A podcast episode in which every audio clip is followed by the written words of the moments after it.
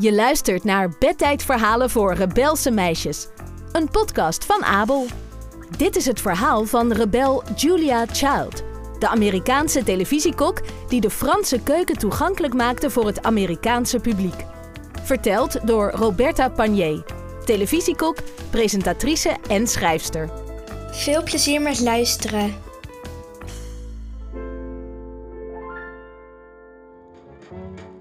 Er was dus een vrouw met een diepe liefde voor koken. Ze zou in Amerika een grote culinaire revolutie beginnen. Ze zou een kookschool oprichten, kookboeken schrijven en een kookshow presenteren. Haar naam was Julia Child. Ik ben Roberta Panier en dit is Bedtijdverhalen voor rebelse meisjes. Een podcast over rebelse vrouwen die ons inspireren en ons laten dromen. Gebaseerd op echte verhalen. In deze aflevering het verhaal van Julia Child. Julia groeide op in Pasadena, Californië. Eten was altijd al een belangrijk onderwerp bij Julia thuis. Vaak ging ze met haar ouders uit eten in verschillende restaurants. Daar keek ze vol bewondering naar chefs die met uiteenlopende ingrediënten een gerecht maakten. Op 7 december 1941 bombardeerden de Japanners Pearl Harbor. Julia was 29 jaar oud en deed vrijwilligerswerk voor het Amerikaanse Rode Kruis, maar ze voelde een sterke drang om haar land te dienen. Ze deed een examen voor de overheid, nam ontslag bij het Rode Kruis en solliciteerde bij de marine. Je bent te lang, zeiden ze, en ze wezen haar af. Maar Julia gaf niet op. Ze hoorde over America's Secret Intelligence, een geheime dienst die later de CIA zou worden. Daar was haar lengte geen struikelpunt. Met haar 1,88 meter was Julia voortaan spion. Een van haar eerste spionmissies was het oplossen van een nogal explosief probleem. Verspreid over de oceaan lagen onderwaterbommen gericht op Duitse onderzeeërs. Het probleem was dat ze telkens explodeerden doordat haaien te dichtbij zwommen. Alle andere agenten zaten met de handen in het haar. Maar Julia had een idee. Ze begon te koken. Ze mengde allerlei vieze ingrediënten door elkaar en bakte cakejes. Dit waren geen gewone cakejes, want deze stonken naar dode haaien. Dus als ze in het water werden losgelaten, durfden de haaien niet dichtbij te komen. Op een dag ontmoette ze in India de kunstenaar en kaartenmaker Paul Child. Paul was ongeveer 10 jaar ouder dan Julia en veel kleiner. Paul vond Julia's hoge, heese stem in het begin een beetje vreemd. Maar al snel aten ze regelmatig samen en keken ze naar films. Toen Paul werd overgeplaatst naar een andere basis in China, volgde Julia hem. Op 15 maart 1945 vloog Julia van India naar China. Deze vlucht over het Himalaya-gebergte was een gevaarlijke route, omdat vliegtuigen veel hoger moesten vliegen. Na bijna drie uur begon Julia's vliegtuig plotseling te dalen. De lichten gingen uit, stukken ijs tikten tegen het raam, maar Julia was niet bang. Ze zat gewoon ongestoord een boek te lezen. Het vliegtuig schudde wild, maar vond een gat in de wolken en landde uiteindelijk veilig op de rode kleibaan net ten zuiden van de stad Kunming in China.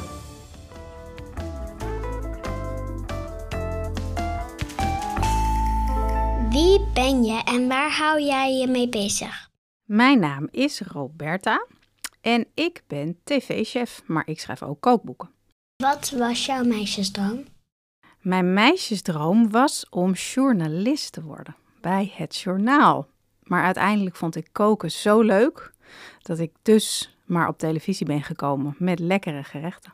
Hoe herken jij jezelf in deze rebel? Ik herken mezelf een klein beetje in Julia Child, omdat ik ook nog wel eens foutjes maak op televisie. En dat dan niet ga verstoppen, maar juist daar een grapje over probeer te maken. En ook ga laten zien hoe je het kunt oplossen.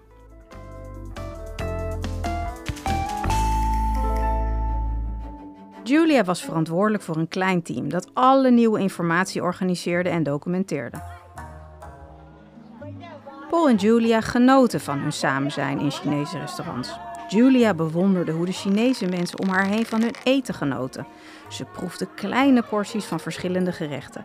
Stukjes kip in sojasaus, gefrituurd of gerold in vellen van rijstpapier, varkensvlees, zoetzure soep en altijd rijst. Op een avond hoorden Julia en Paul heugelijk nieuws op de radio. Duitsland had zich overgegeven. De oorlog was voorbij. Bijna vier maanden later, op dezelfde dag dat de Japanners zich overgaven, schreef Paul een gedicht voor Julia.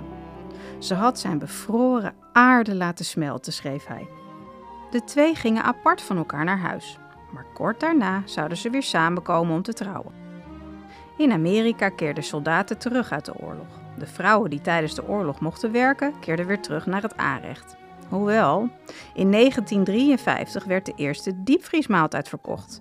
Sommige vrouwen kozen ervoor om niet meer zelf te koken. Dat zagen ze als een last. Paul kreeg een baan in Parijs en de dag dat Julia en Paul in Frankrijk aankwamen, gingen ze lunchen bij een restaurant dat La Couronne heette. Na vijf dagen smakeloos eten aan boord van het schip waren ze uitgehongerd. Ze deelden zilte oesters, een sissend hete gebakken vis en een groene salade. Julia was verkocht. Ze kon niet geloven dat eten zo heerlijk kon smaken. Ze besloot lid te worden van Le Cordon Bleu, de beste kookschool voor Franse chef-koks. En alles te leren over de Franse keuken. Ze was de enige vrouw in haar studiejaar. Haar Amerikaanse vrienden verklaarden haar voor gek dat ze zelf boodschappen deed, kookte en haar eigen eten serveerde. Maar dat kon Julia niks schelen. Ze genoot van drukke straatmarkten en de Fransen die zo dol waren op lekker eten. En daarmee slaagde Julia voor haar examens aan de Cordon Bleu. Ze sprak nu Frans en kon Frans koken, maar er lagen nog duizenden recepten op haar te wachten die ze kon gaan maken. Met twee vriendinnen, Simka en Louisette, richtten ze een kookschool op vanuit hun eigen keuken. Het doel was ambitieus. Amerikanen leren om Frans te koken. Ze noemden hun school L'École des Trois Gourmandes, de school van de drie fijnproevers. Ze gaven kooklessen in Julia's keuken. Na vijf jaar was Pauls baan in Parijs afgelopen en stopte Julia met de kookschool. De drie vriendinnen bedachten dat ze een boek zouden schrijven voor Amerikaanse thuiskoks. In het boek zouden ze alle Franse kooklessen beschrijven.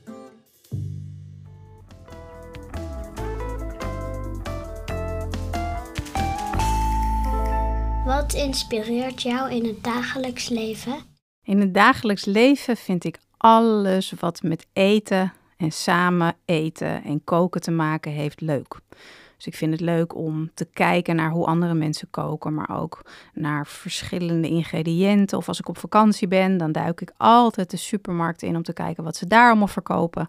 En ook hoe verschillende landen en culturen hun eten bereiden, maar hoe ze het ook samen opeten. Wanneer ben je trots op jezelf? Ik ben trots op mezelf als ik uh, bijvoorbeeld op tv ben of een kookboek heb geschreven en helemaal mezelf heb durven zijn. Dus zonder een toneelstukje te spelen, maar gewoon echt Roberta zoals Roberta is. Heb jij wel eens moeilijke tijden? Hoe zet je het toch door? Iedereen heeft moeilijke tijden, dus ik ook. En hoe ik het dan doorzet is om na te denken dat die moeilijke tijden altijd weer overgaan. Dus het is altijd maar een heel klein stukje tijd. En door aan fijne dingen te denken. En vaak denk ik dan of aan mijn kindjes, of aan mijn gezin, of aan mijn partner.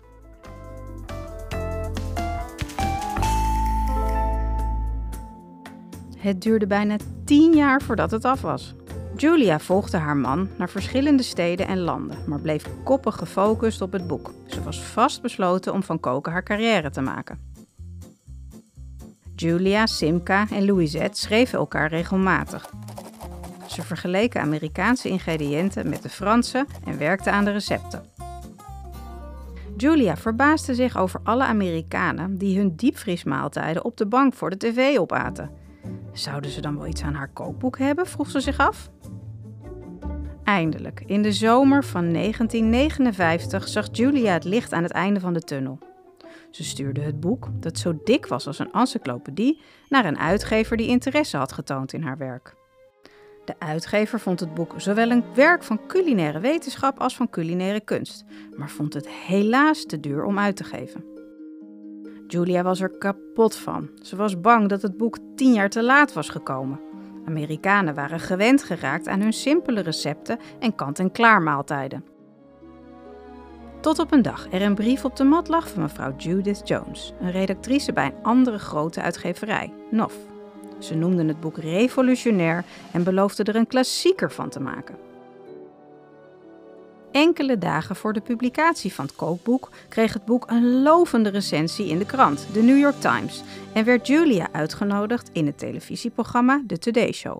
Met haar 54 jaar was Julia geen onmiddellijk succes, maar haar kookboek was dat wel. Als voorbereiding op een educatief televisieprogramma besloot ze een koperen kom, een garde, een schort en eieren mee te nemen. Dit had ze mee als voorzorg voor het geval dat ze niets meer had om over te praten en een demonstratie moest geven. Wat ze ook deed. Kijkers schreven: Die vrouw moet vaker op tv komen. We willen meer kookkunsten zien. En vaker op tv komen deed ze. Julia kreeg haar eigen kookprogramma. Welcome to the French Chef. I'm Julia Child. De eerste aflevering van De Franse Chef werd opgenomen op 23 januari 1963. Voor elk half uur op tv bereidde Julia zich 19 uur voor. Maar alle voorbereidingen waren het helemaal waard. Miljoenen mensen keken naar haar kookprogramma. Van professoren tot politieagenten, haar publiek was gecharmeerd van haar unieke hoge stemgeluid en verrukkelijke fouten. Eén keer, nadat ze een aardappelpannenkoek had gemaakt die aan één kant niet goed bruin werd, liet Julia zien hoe je de pannenkoek omdraaide in de pan. Je moet zelfvertrouwen hebben, zei ze. En ze gaf de pan een korte, snelle ruk naar voren en naar achteren. Dat lukte maar half en ze moest een stuk van de pannenkoek van het fornuis schrapen. Maar je kunt het altijd weer oprapen. Als je alleen bent, wie zal het dan nog zien? zong ze zelfverzekerd. Julia weigerde in reclames te verschijnen. Ze hoorde bij de publieke omroep en probeerde de Amerikaanse keuken te veranderen. Ze wilde niet verward worden met iemand die soep uit blik en diepvriesmaaltijden op tv verkocht. Bon appetit. In de loop der jaren wijde Julia zich aan haar televisieserie en schreef ze bijbehorende kookboeken, waaronder een tweede deel van haar eerste boek. De uitgever stuurde Julia op een echte boekentournee. In Minneapolis stonden bijna duizend mensen in de rij om Julia's mayonaise demo te zien voordat ze hun boeken lieten signeren. Bij een andere stop, in Cleveland, vergat ze de deksel op de blender te doen en de chocolademousse spatte in haar gezicht. Nu snappen jullie waarom ik altijd een theedoek in mijn schort heb zitten, riep ze uit. Met elke show en elk boek kreeg ze weer meer fans. Ze stonden bij elk optreden in de rij om hun boek te laten signeren. Julia was altijd net zo aardig tegen de eerste als tegen de laatste. Vier uur later. Weet je, zei Julia eens tegen een verslaggever, ik had er nooit zo over nagedacht. Maar eigenlijk staat mijn vakgebied helemaal niet open voor vrouwen. Het is heel oneerlijk. Het is absoluut beperkt. Je kunt geen les geven aan het Culinaire Instituut van Amerika in New York. De grote hotels, de chique restaurants in New York, die willen geen vrouwelijke chefkoks. Julia was een tv-persoonlijkheid. Ze vertegenwoordigde lekker koken en eten, maar ze zou zichzelf nooit chef-kok noemen. Ze was een thuiskok. Zelfs voor grappige sketches of foto's met Franse chefkoks zette ze nooit de traditionele hoge witte koksmuts op. Toch werd Julia als eerste vrouw opgenomen in de lijst van beroemdheden van het Culinaire Instituut van Amerika. Ze hielp bij de oprichting van het Amerikaanse Instituut van Wijn en Eten. En in 1966 werd ze de eerste educatieve televisiepersoonlijkheid die een Emmy Award won. 35 jaar lang vroegen interviewers naar het recept van de laatste maaltijd van haar leven. Daar had Julia goed over nagedacht. Als voorgerecht wilde ze caviar. Het hoofdgerecht moest geroosterde eend zijn met kleine uitjes en kantarellen. En daarna wilde ze graag een lekker stuk stokbrood met roquefort en brie. En als toetje een simpele rijpe peer en groene thee. Dan zou ik gelukkig sterven, zei ze.